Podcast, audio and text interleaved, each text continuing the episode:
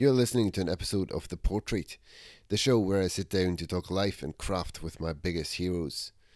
My name is Mats Lasse Jangås, and I'm a Norwegian independent journalist and podcaster.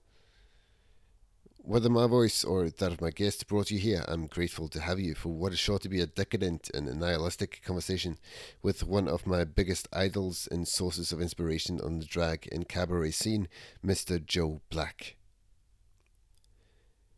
His new single Final Curtain is available to stream now and is a masterpiece of dark, dystopian cabaret extravagance.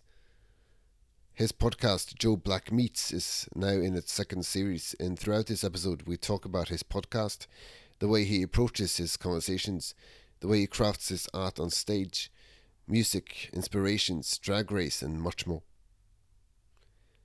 If you like what you hear, despite me being flustered and not being able to control my stammer, I'd be really grateful if you consider supporting the show by donating a few pence on PayPal. It helps keep the lights on. The link is in the show notes. And now, without any ado being furthered, here is Joe Black. Ladies and germs, and everyone in between, you are listening to The Portrait. My name is Mats Lasse and my guest at this time is uh, cabaret and drag performer par excellence, uh, the one, the only, Mr. Joe Black. How are you? Hello, I'm all right. Yes, yes, I've got my uh I've got a cold brew coffee. I couldn't I couldn't be bothered to make another hot one, and I was like, I've got some of this in the fridge, so this is per- perking me up on this fine Friday morning. Yeah. Almost looks like a BS. I I, I almost envy you. how how is uh, this uh, beautiful Friday treating you? It's all right. It's you know it's still uh fairly early here, so I haven't ventured out of the house yet.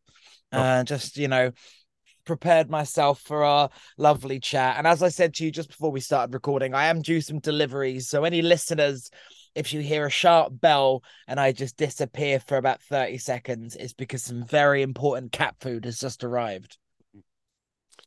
All right. Uh, now, now, now we know at least. Uh, uh, eagerly awaiting the bell, like Pavlov's cats. Um, um, you're you're, you're known as as a, a, a, um, a cabaret and, and drag performer. Um, many of my listeners might even uh, recognize you from uh, RuPaul's Drag Race UK. Uh, uh, you've probably been asked this uh, hundreds of times before, but uh, if we're uh, move to uh, if, if we start at the beginning, uh, uh, where did your your love of drag and performing come from? Well, I, I, would say it was more of a love of cabaret than uh, than drag. I uh, there's always this kind of preconceived notion that people who do cabaret um, are sort of failed musical theater performers, hmm. but I uh, cabaret was always my kind of first choice as an art form. Um, I love it. Sorry, my cat has just woken up, so he wants to say hello. Hello. Yeah, say hello. Oh. um yeah so uh it, it, the cabaret is an art form. I love the kind of broad the broadness of it and the, the the sort of settings and the vibes really is that it can be so many things uh but ultimately you know when i think of cabaret i think of sort of song and stories. Mm-hmm. so it was kind kind of that and and and kind of an energy it gave that could be dark and funny and poignant and that can all be within the same you know it could be within the same 10 minutes the same 30 minutes the same hour. It can be all of those things. So it was kind of that and then so i started doing live music shows but doing um cabaret sets in them. So you know i'd be a support act for a band or on a, a lineup with bands and i would be doing you know cabaret stuff. And i also used to uh busk. So i used to play my accordion on the street in exchange for people throwing some coins into a hat.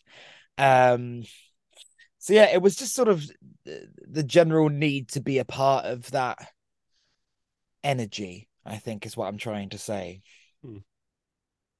And it is dark. It is nihilistic, but uh, oh my god, it is fun to watch. And uh, uh, just to to uh, peek into your uh I mean this in the best possible context. Your depraved mind. For, uh, good. yes, uh, for for a couple of minutes is is nothing short of amazing. Uh, just as a as a as a ca casual uh, audience member, um, uh, and in you, you as you mentioned, you you started busking, you you started uh, performing as a, uh, as a support and, in bringing more of that that, that cabaret into it. Uh, I read somewhere uh, you've even performed at the Goth Festival in a castle. Leipzig, yeah, yeah. That was for the uh, the Wave Gothic Treffen. Uh, that was, I think, that was two thousand and ten. So that was a little while ago. But yeah, no, I was. um There's the the big goth festival in Leipzig in Germany, and uh, yeah, about what yeah 13 years ago they threw uh, flew me out there and i got to do it and it was really it was a really fun experience because obviously i'm doing like a cabaret thing. So the the act before me was like a metal band where everyone's in like i don't, i can't remember if they were wearing armor or it was all kind of renaissancey but either it was some sort of big fantasy costume very heavy music. And then uh when my set was ready all of their stuff was cleared and they wheeled out an upright piano. And then i just came out and did that uh so yeah i mean i've always sort of been included more so previously not so much in recent years in kind of goth uh goth events um which I guess is uh, is quite apt as I'm clearly a, a bit of a goth.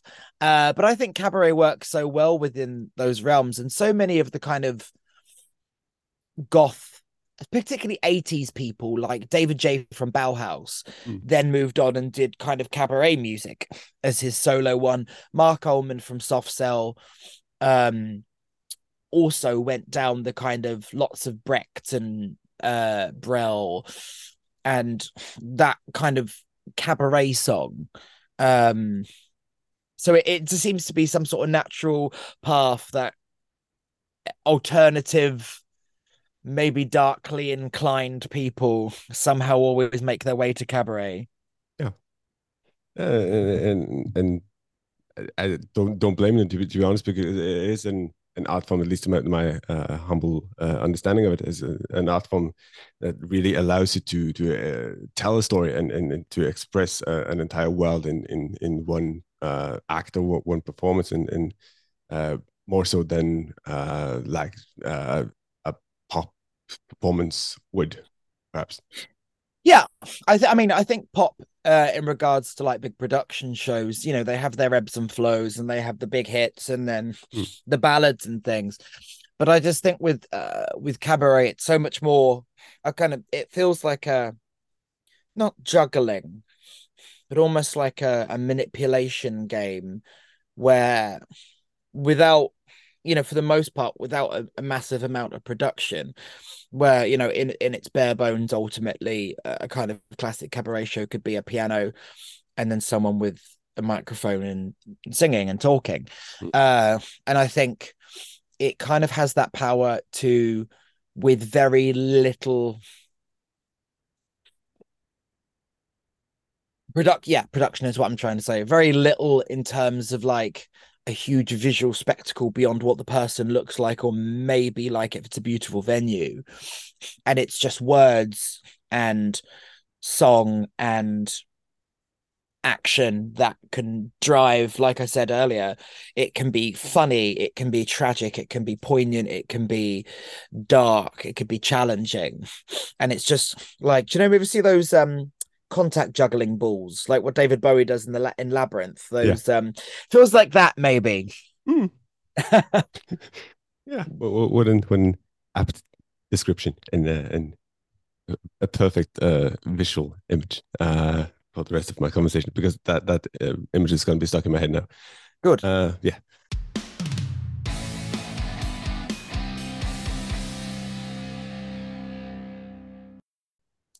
Speaking of looks, uh, if if if you're just listening to this, um, you're missing out. Uh, well, for, for for one, uh, you look uh, amazing. Um, uh, and also your your uh, uh, looks on on stage uh, at least reminds me of uh, a very dark, very broody Marlene Dietrich.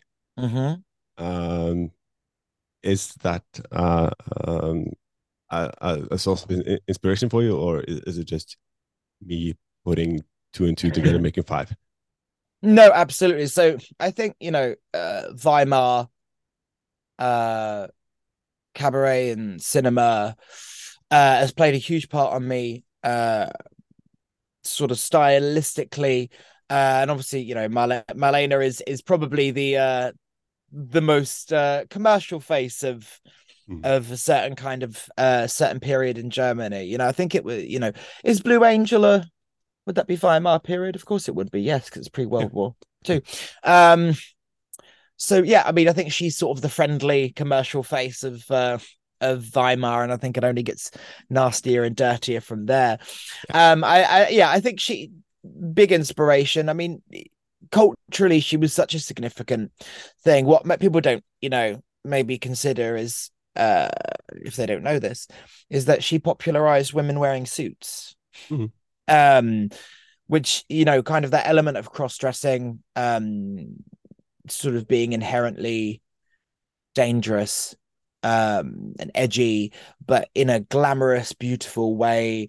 Uh she had the first ever lesbian kiss in film uh, in Morocco hmm. uh, when she's wearing the tuxedo and you know she walks over and kisses a, a woman on the lips. And I, yeah, I think again she's yeah the fr- friendly face not only of uh, Weimar, maybe of uh, the kind of edginess there. I don't because it's all polished and put up in such a nice way. Because I mean, what I love with kind of Weimar stuff is particularly I love the artwork, so like Otto Dix and things like that, where it's so unbelievably grotesque. Um, I enjoy, you know, someone with one leg and a monocle and you know smeared lipstick uh, wearing stockings under a suit. And it's just all of the these elements of you said i think you said depraved mind earlier. Um and i love the kind of glamorizing of depravity. Um and it just yeah it brings me much joy so yes, in in the sh- the short answer is yes, I love Marlene, and of course she's an influence, and that was the uh, the very long answer. I I, I like long answers. Uh, means I don't have to work so hard.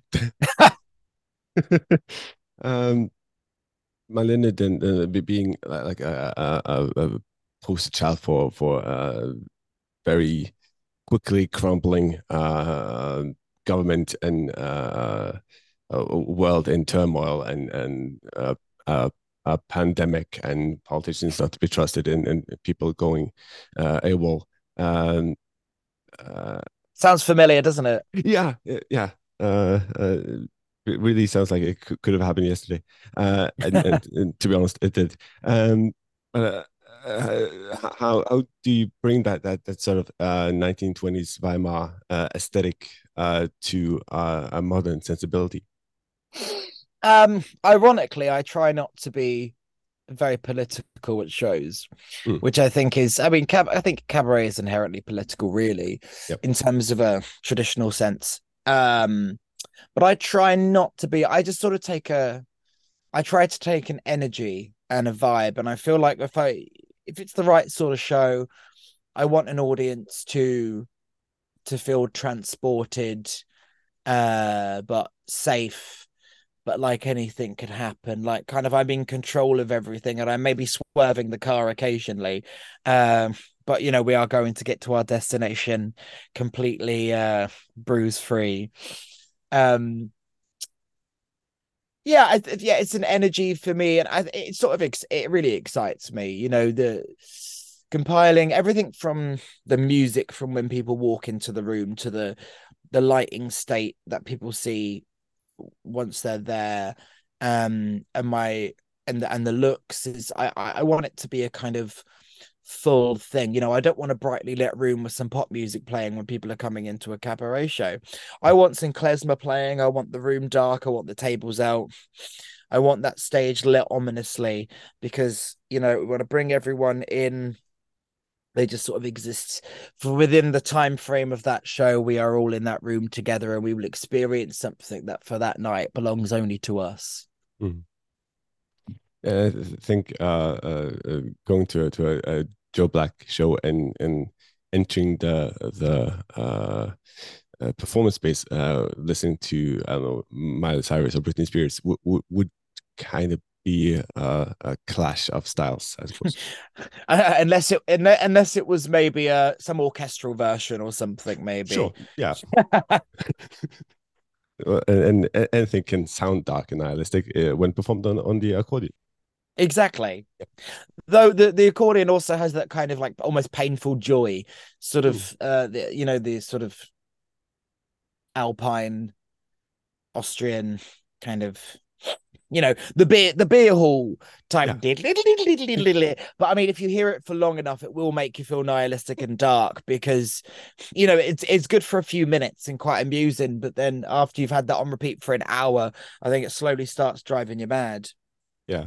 Uh, went to party once where the only instrument there was an accordion and my god it was loud if nothing else. Uh what this is my kind of party though. Where where was this? Uh, this was in Germany, uh, actually. of course. Yes. Uh, uh, lots of beer and and an accordion and uh, singing German uh, schlagers, really over the top pop songs.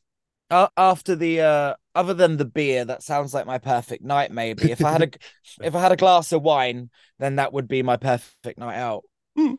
Yeah, well, I, can't really complain, but but sitting right next to the accordion that uh, uh, I didn't hear much for the for the next day. I'll tell you that much. Yeah, they are really loud. Whenever I take one to a show and it's uh, someone working the sound that's never done one before, I have to be like, they are a problem. Like you know, they go, "Oh, it'll be fine." I was like, "No, no, it moves." There's two sides that sound entirely different, and they're very loud. Mm. But also, because they move, they go away from them. It's it's they're just a nightmare in general. Uh, uh, I, read on, on on the internet, so it, it must be true. Then, uh, you play at least five instruments. Yeah, I'd I'd say three proficiently, uh, five would I'd be okay. Hmm. Anything that you know, a banjolele is the same as a ukulele. Mm. So I don't know if that counts as one or two. Um, anything with keys, again, if I, you know, I can play piano, but then that also means I can play a melodica or a harmonium. So mm. uh, I guess I could cheat and say that I can play like anything that has so I can play a harpsichord. Uh never played one, but I could because it looks like a piano.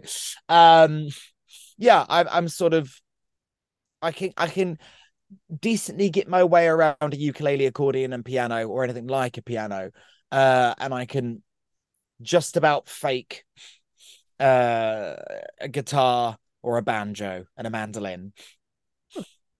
Oh, fake it till you make it, I suppose. Yeah, uh, and theremin, I try, but I'm terrible at it. Just because I can play it doesn't mean I should. Mm. Uh, isn't that the, the the one rule we should should all live by in a in a in our lives in, in general, I suppose. Um, there's, I mean, I when I think of accordions, I always think of that Tom Waits quote: "Is that a gentleman is someone who can play the accordion but doesn't." yeah, um, yeah, and and and I suppose, I suppose accordion should come with a warning that uh, if you're not proficient, at least, then you should at least keep six feet distance. Yes, I think that's fair just keep keep the old COVID rules, uh, at least for, for the accordion. Yeah. uh, wash your hands six feet uh, six feet apart, and and leave it to the professionals, and and applaud them afterwards. um. Okay, so so uh, uh where does uh if we uh, say uh, uh, uh, an uh, example of of a of a Joe Black act, uh, where does that uh, idea start? Does it start with uh, a, a, song or a concept or, or a feeling or an idea, or does it start with costume and, and what the audience are, are meant to see and feel? Um, it will start with the performance and then if there's a particular vibe I want to get across, then I guess the look would be considered later. But ultimately, yeah, always the performance. If I was given a choice between making a good look or making an interesting performance, I'd always choose the performance every time. Mm. Uh, I think depends whether I'm doing a cover song or an original one. Sometimes, particularly with cover songs, I, I'm either drawn to making something either I like making things either silly or sad, basically. So I I enjoy the concept of taking just like a a you know taking a basic recognizable pop song and either making it into a ridiculous polka or making it into a very sad ballad there's no no between or or or something really recognizable say a I don't know. I always like the idea of doing Bad Touch by the Bloodhound Gang because I've never done it, but I always think about it, um, which obviously is is a rap song mm. ultimately, uh, and turning it into some sort of you know beer hall polka. I always think that would be a really fun idea, or taking something and yeah, I the other the other side of that is to take something and really slow it down and make it sad and. Mm uh, turning things into torch songs can either be hilarious or uh, or heartbreaking. Mm. And I, uh, you know, there's there's certain I don't know. It's maybe just an, an energy that you can get from the source material. But if you turn a Spice Girls song into a piano ballad, it, it I think it is inherently very funny. Yeah.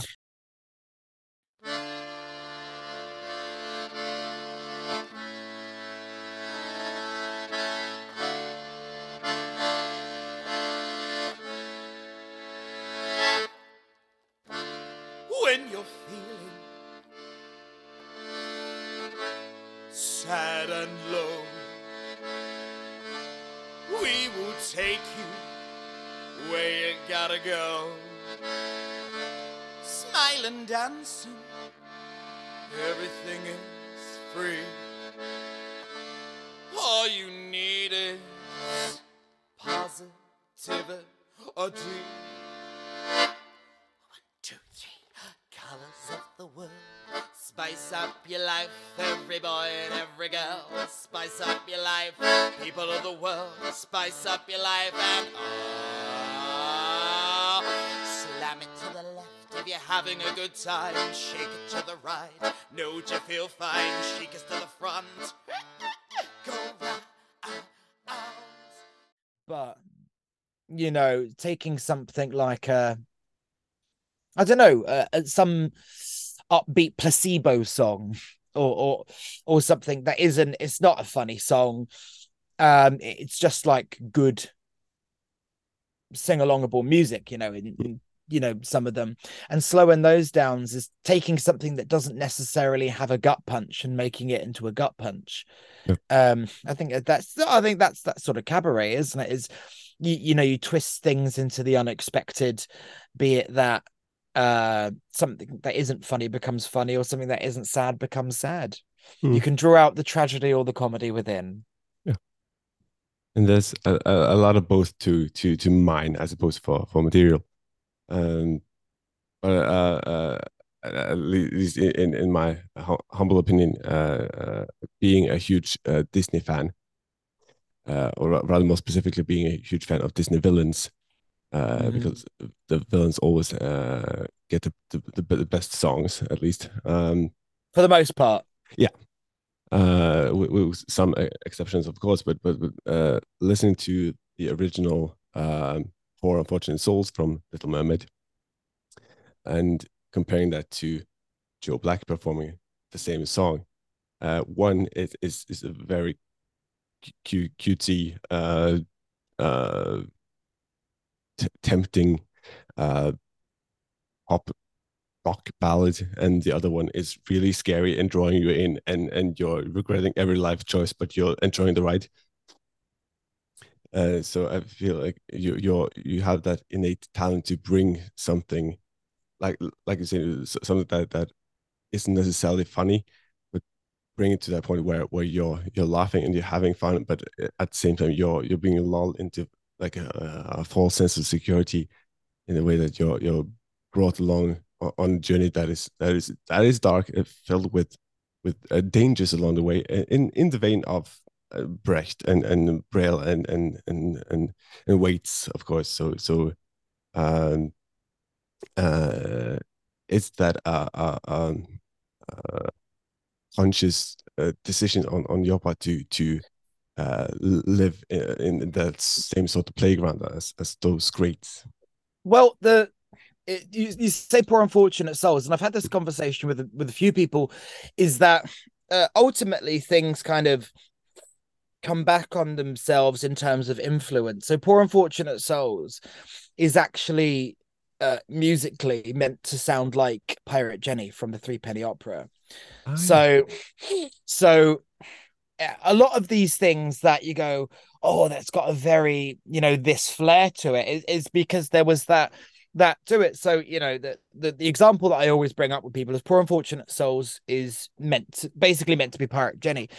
But you know, Danny Elfman's music for the Nightmare Before Christmas, he when putting that together in the arrangements, he was listening to a lot of Brecht. Hmm. Um, so the Three Penny Opera again musically plays a huge part of the Nightmare Before Christmas. So I guess there's something about the Disneyfying of it in both the case of Poor Unfortunate Souls and Nightmare Before Christmas, that if you hand that source material to someone that is willing to be, I guess, darker and more adult about it, is that it takes the life of what it was originally based on. I admit that in the past I've been a nasty. They weren't kidding when they called me, well, a witch.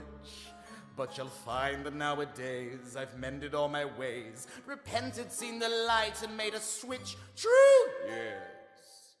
And I fortunately know a little magic. It's a talent that I always have possessed. And here lately, please don't laugh, I use it on behalf of the miserable, lonely, and depressed. Pathetic, poor, unfortunate souls in pain in need. This one longing to be thinner, that one wants to get the girl, and do I help them? Yes, indeed. And and Tom Waits as well is that, you know, there's a particular time in Tom Waits's career where it just shifts, uh, you know, sort of Swordfishtrombones, and and and Rain Dogs, and that's because he sort of discovered the work of Brecht and Weill, and uh, that became an influence. And again, I love Tom Waits and I love them and I love Danny Elfman. And then those things all link in, in, intrinsically back to the same source material. I mean, some of it may have traveled further away mm. from the source material. Um, like Tom Waits, I think, is one of those rare people that even though you can you can see where influence is coming from. Tom Waits is always just Tom Waits. You don't say, "Oh, Tom Waits is very, you know, Bertolt Brecht." You can hear the influence if you know the case. You know, it's like you know, early on, Tom Waits was Louis Armstrong. Mm. Um, in terms of the voice, some if you think about it, you can hear it, but you wouldn't go, "Ah, he's just doing Louis Armstrong." No. Um same way as that if you didn't know Louis Armstrong, you wouldn't go, well, he's doing Tom Waits because they're two separate entities. But the obviously Louis Armstrong's way before Tom Waits, but mm. it, yeah, he's one of those odd ones that kind of exists within his own realm, and things can be very Tom Waits. So you know, I could do something. Bertolt Brecht and be told that it's very Tom Waits, mm. uh, because he's just somehow managed to make this quite complete, unique world um while using inspirations that other people also have. I think that I, I got to a point eventually there. yeah, sure. Uh, well, you, you made uh, several points, uh, which is great because uh, we have a lot of uh, avenues to to to go down. Uh, but um, well, speaking of of inspiration, who uh, well, start start with a standard question, I suppose. But who who inspired you then to go from performing and, and supporting and busing to to uh, going on on on uh, the cabaret stage yourself and becoming a drag performer? Well, I mean the that that that that was it. It was I I started performing. You know, when I was doing the live music shows, it was always the cabaret, and it was always costume but it was the it was a band called the Dresden Dolls that oh. uh that made me want to give it a go because it kind of let me that was my first kind of not foray but the first kind of act that let me know that kind of the actual although there were plenty before them but uh, from my understanding as a teenager was that you theatricality and a punk sensibility and an alternative sensibility can all meet and be friends Mm. and become something. And you know, as you get older and you discover there were people that did these theatrical cabaret, you know, punk things before, but as a teenager, they were my kind of gateway drug to that. And I saw them perform uh multiple times before they um disbanded now occasionally reunite. Um and it was after a show at the roundhouse in london that i went i'm gonna do shows and then just just was like i'm gonna do it. Fuck it. I, I suppose if your if your uh, gateway drug is uh, the Dresden Dolls with Amanda fucking Palmer, uh, then uh, it could be a lot worse. yeah And uh, uh, one of my, my uh, uh, uh, sources of of of uh, uh, great uh, inspiration, uh, besides yourself, of, of, course, is Amanda Palmer. Uh, one I have been trying to get on my podcast for for years, uh, and and and using that as as a springboard. Uh, let's uh, plug your podcast, uh, Ah. Cool Black Meets. Uh, where we've uh, well uh, at least I, I, I, I always uh, try in these conversations to find something that we, we have uh, in common to to make uh, uh, to, to make, make uh, a s- stronger connection with my, with my guest. And if nothing else, we've had the same guest on, that being Lemony Snicket. yes daniel handler Yeah. yeah he was a joy i was so nervous interviewing him Mm-hmm. because I, you know, I, I, I, I just I think his his work played a, again, it's that kind of gothic uh sensibility while also being funny. I love, uh, and I think he, it, you know, it's other you know we have Edward Gorey and things, but uh, in terms of a modern uh gothic tales for children. I think he kind of really nails it. Mhm. um it was i mean i loved i mean we've just just announced uh, a series two but series one was um it was a joy. I got to talk to so many people. And what i find nice about it is you can learn things about people you didn't know. You get to ask the questions that you wish maybe other people had asked um and ultimately it's inspiring with a range of guests because you talk to people that have had so many different journeys and paths that there's no you learn there's no right or wrong way in order to do something because all of these people that you've managed to interrogate for an hour have all had different ways to get where they are Mhm. um and i'm very excited i mean i've done quite a lot of the interviews for two already and some of them are still um upcoming for the re- recordings but i've spoken you know spoken or about to speak to some dream people and um yeah i love it Yeah. So, uh, what what will lead you down, down the route of of starting a podcast? Um, I'm really nosy, basically. Um, I just wanted an excuse to, uh, you know, I was I was meeting and, and kind of connecting with people that I was a fan of. So Dawn French, uh, I met when she came to a show, and uh, our interaction could have just been that, you know. Hmm. Um, she was at the show. We said hello. We had photos. She was an absolute joy. Uh, and I think ultimately it it's an excuse for me to get to know people a little bit more um and also just a, a, a- a general vehicle i i you know so much stuff uh you know for shows and things people buy tickets and they spend their hard-earned money or they have to travel somewhere it costs them you know it's nice to make things that people can enjoy at home for free because it's just on it's on their phones. Mhm. Do you know what I mean? Obviously they're paying for Spotify, but like, you know, if they have the Apple you know, podcast app, if they've got an iPhone, all of these there are free avenues for podcasts, you know, how no matter what uh technology you have. So I think it's it's I think it's a a pleasure to be able to provide things for people in their day-to-day lives that they can just enjoy. Um oh my the bell is gone. I'll be back in one second. All right. Right. All right. That's my, my very important package has been delivered. Nice.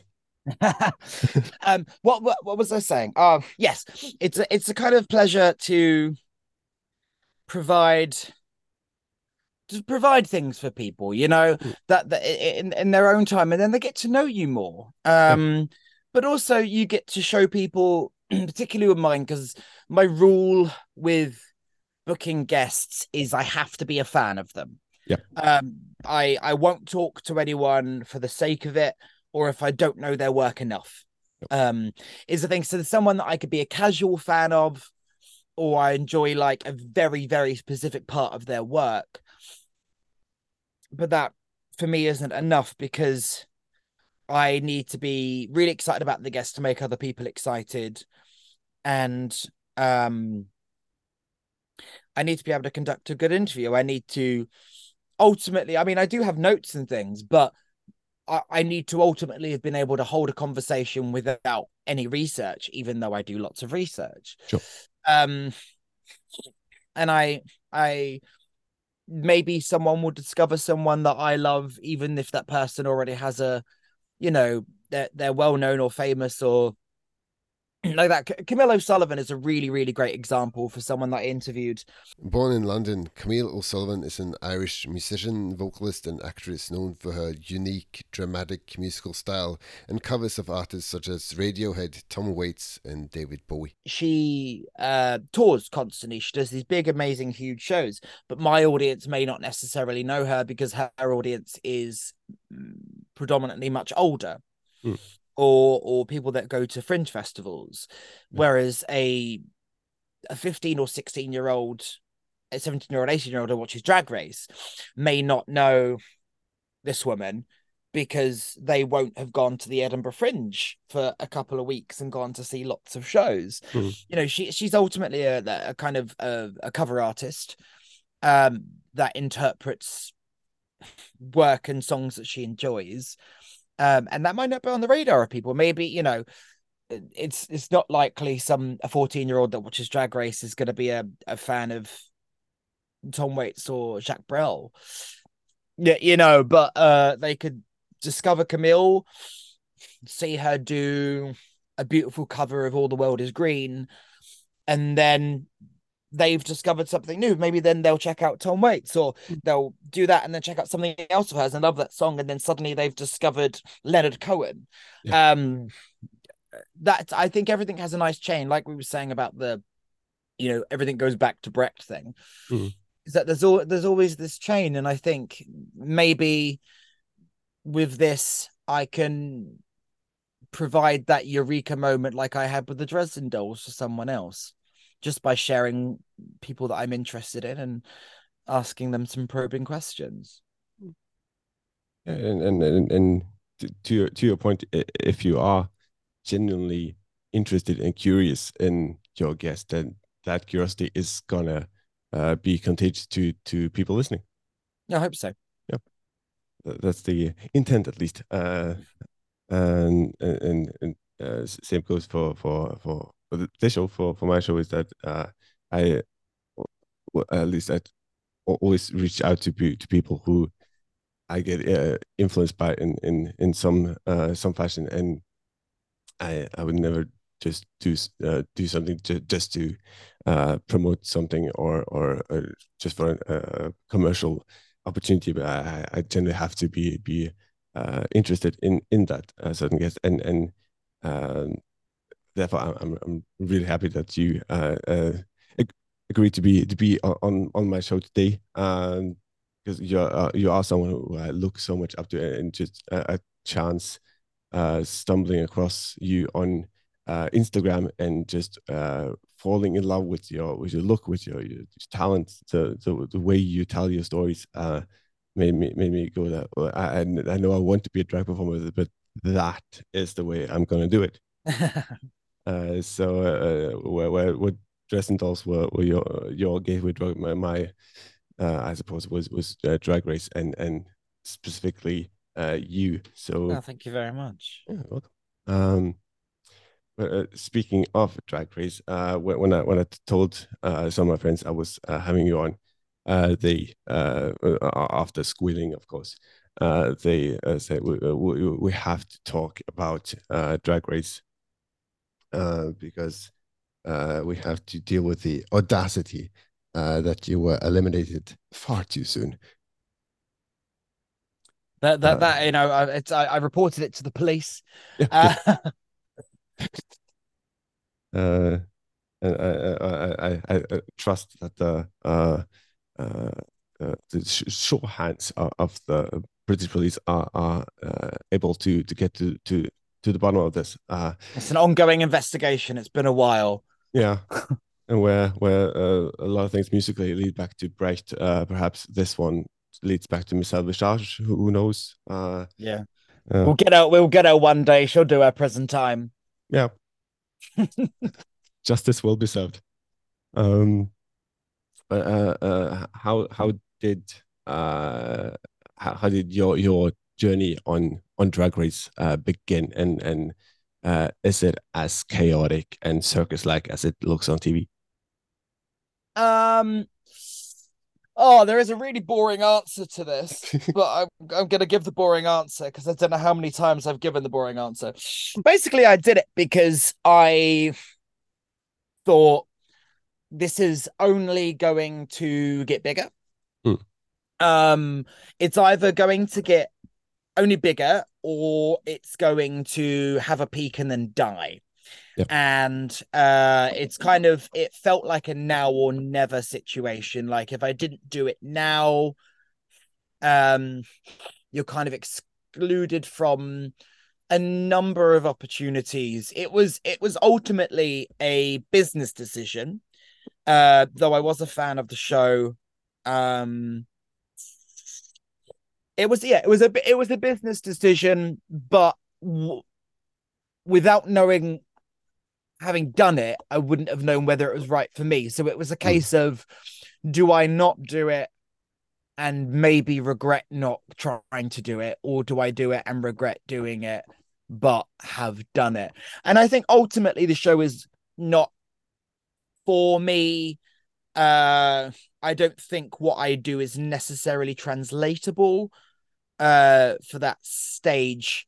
Um though it, you know, it has, it has afforded some great opportunities and kind of uh uh platforming. Um i think as a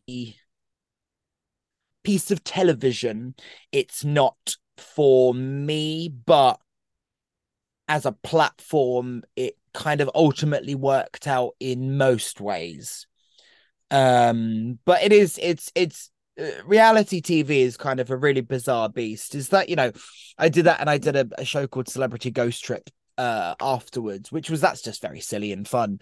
But seeing how um reality TV is made is very it's very unusual. It's quite an unsettling process because obviously when the the finished product comes out, what is two days of intense no sleep, no time for food, becomes 45 minutes of people being chaotic. Yeah. Um, and it, it's yeah, and but there, there's that kind of thing of oh yeah, blame it on the edit, but it's you know, uh, it's like I don't know, there's some sort of I'm trying to imagine like an orchestra that there's a conductor and some arrangements going on, and what is all of these different instruments playing something else suddenly becomes one grand piece. Hmm. Um, I guess, yeah, I guess seeing how the sausage is made, kind of that's that's. I don't know if you have that phrase. Um, uh, was was was strange, but yeah, I'm, I can't really think of what I'm trying to say. But basically, like, glad I did it. Wouldn't do it again. No, okay. I think that's that's the that's the Uh, that's uh, but on, only in a way, not in like a well, I'm not going back there again way. In a you know, I've I've done it, and um, people always say, you know, would you go back for an All Stars or Hmm. that kind of thing? And immediate my answer is no because I I can I can recognize that it's not the right platform for me. So I think it would be um unfair for me to take that position from someone else that maybe can benefit more from the platform or the platform can showcase more of who they are. Mm. So I'm I'm sort of happy with my uh involvement and uh not participation my um the, the the the the things I've done within the kind of story of the show. Mm. Uh, but yeah, I, w- I wouldn't do it again purely because I can now recognize I haven't done it. It's not for me, and it would be unfair of me to take that spot away from someone else. That's Mm. it. That's what I'm trying to say. So it's it's not a, a mentality of oh if I ever get a chance again I'll get to redeem myself and uh, they finally understand Bowie. Yeah, no, no, there's I don't want any redemption whatsoever because uh, I, I mean, uh, I don't know if a lot of people have that kind of self-awareness to just sort of go, right, it's not for me. Um, but I, you know, I, I think I do in that I can I can look at it kind of from an outsider's perspective, post fact, and Hmm. go, "Meh, not not not really appropriate and just because just because you do something doesn't mean it's necessarily uh going to work on every avenue you know what i mean? You know you know some it's it's like comedians at cabaret shows. This is a an example that i've had a conversation with a few times is that someone doing stand-up comedy um on a cabaret lineup that has sort of burlesque and song and drag and all of that despite it in theory working the energy level and the, and the delivery and the style is so different that even though you go it's someone being funny and telling stories which is what the Mhm. host is doing Yeah. it doesn't actually necessarily work because in that case i mean i'm sure people could write papers on this but uh there's power play Mm. there in, in in terms of how something is presented so you know drag race is a lot of screaming and uh sound bites and all of that and that's not remotely kind of what i do i'm i'm quite long form generally i don't think what i do is necessarily shown to its best potential in um 15 seconds Yep. yeah that's the uh, that's a long answer yeah. Well, uh, again, I, I, I like the long answers. Uh, it's a it's a way to to uh, get to know you a bit, bit better than- your uh, standard uh, yes and, and no answers at, at least.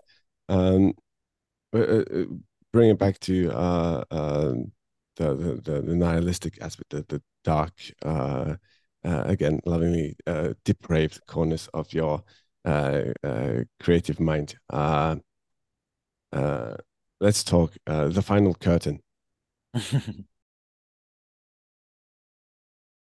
It's time for some good old fashioned nihilism. We are absolutely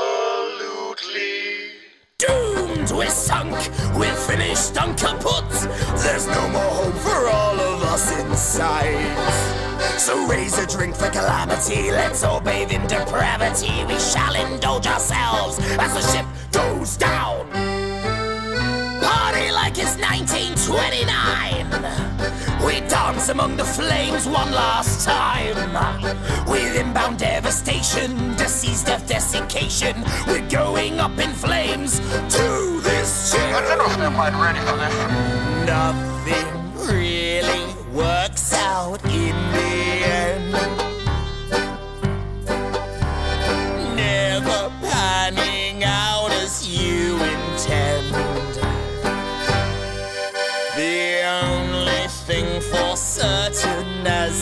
as drop that final curtain is that nothing really works out in the end. Right, Calvin.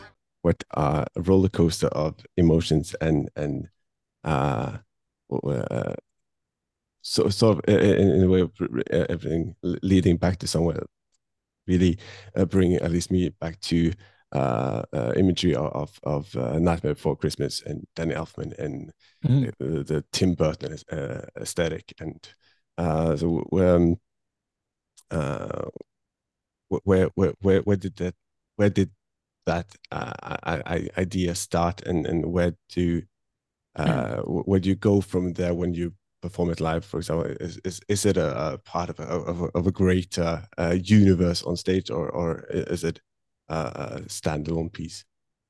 Um, so I uh, that was the first song I had written in a very long time. Mm. Um, and it just I, there was just I I can't remember exactly what sort of news was happening, but all I remember is that the news was bleak, and it's just I was like everything's gone to shit. mm-hmm. Um, the world's ending, and I think I wasn't feeling particularly. uh you know, the outlook was look at feeling grim for the world, and I thought, oh God. and then you know, from great sadness comes art. Mm-hmm. Uh, um, so I just, I was just messing around, and I was like, right, I'll just, I'll put some words down, see if I can get something out of it. And I had the song, and then I had a friend that I have a friend that had a friend. They're still alive. um, I have a friend that plays saxophone, Mm.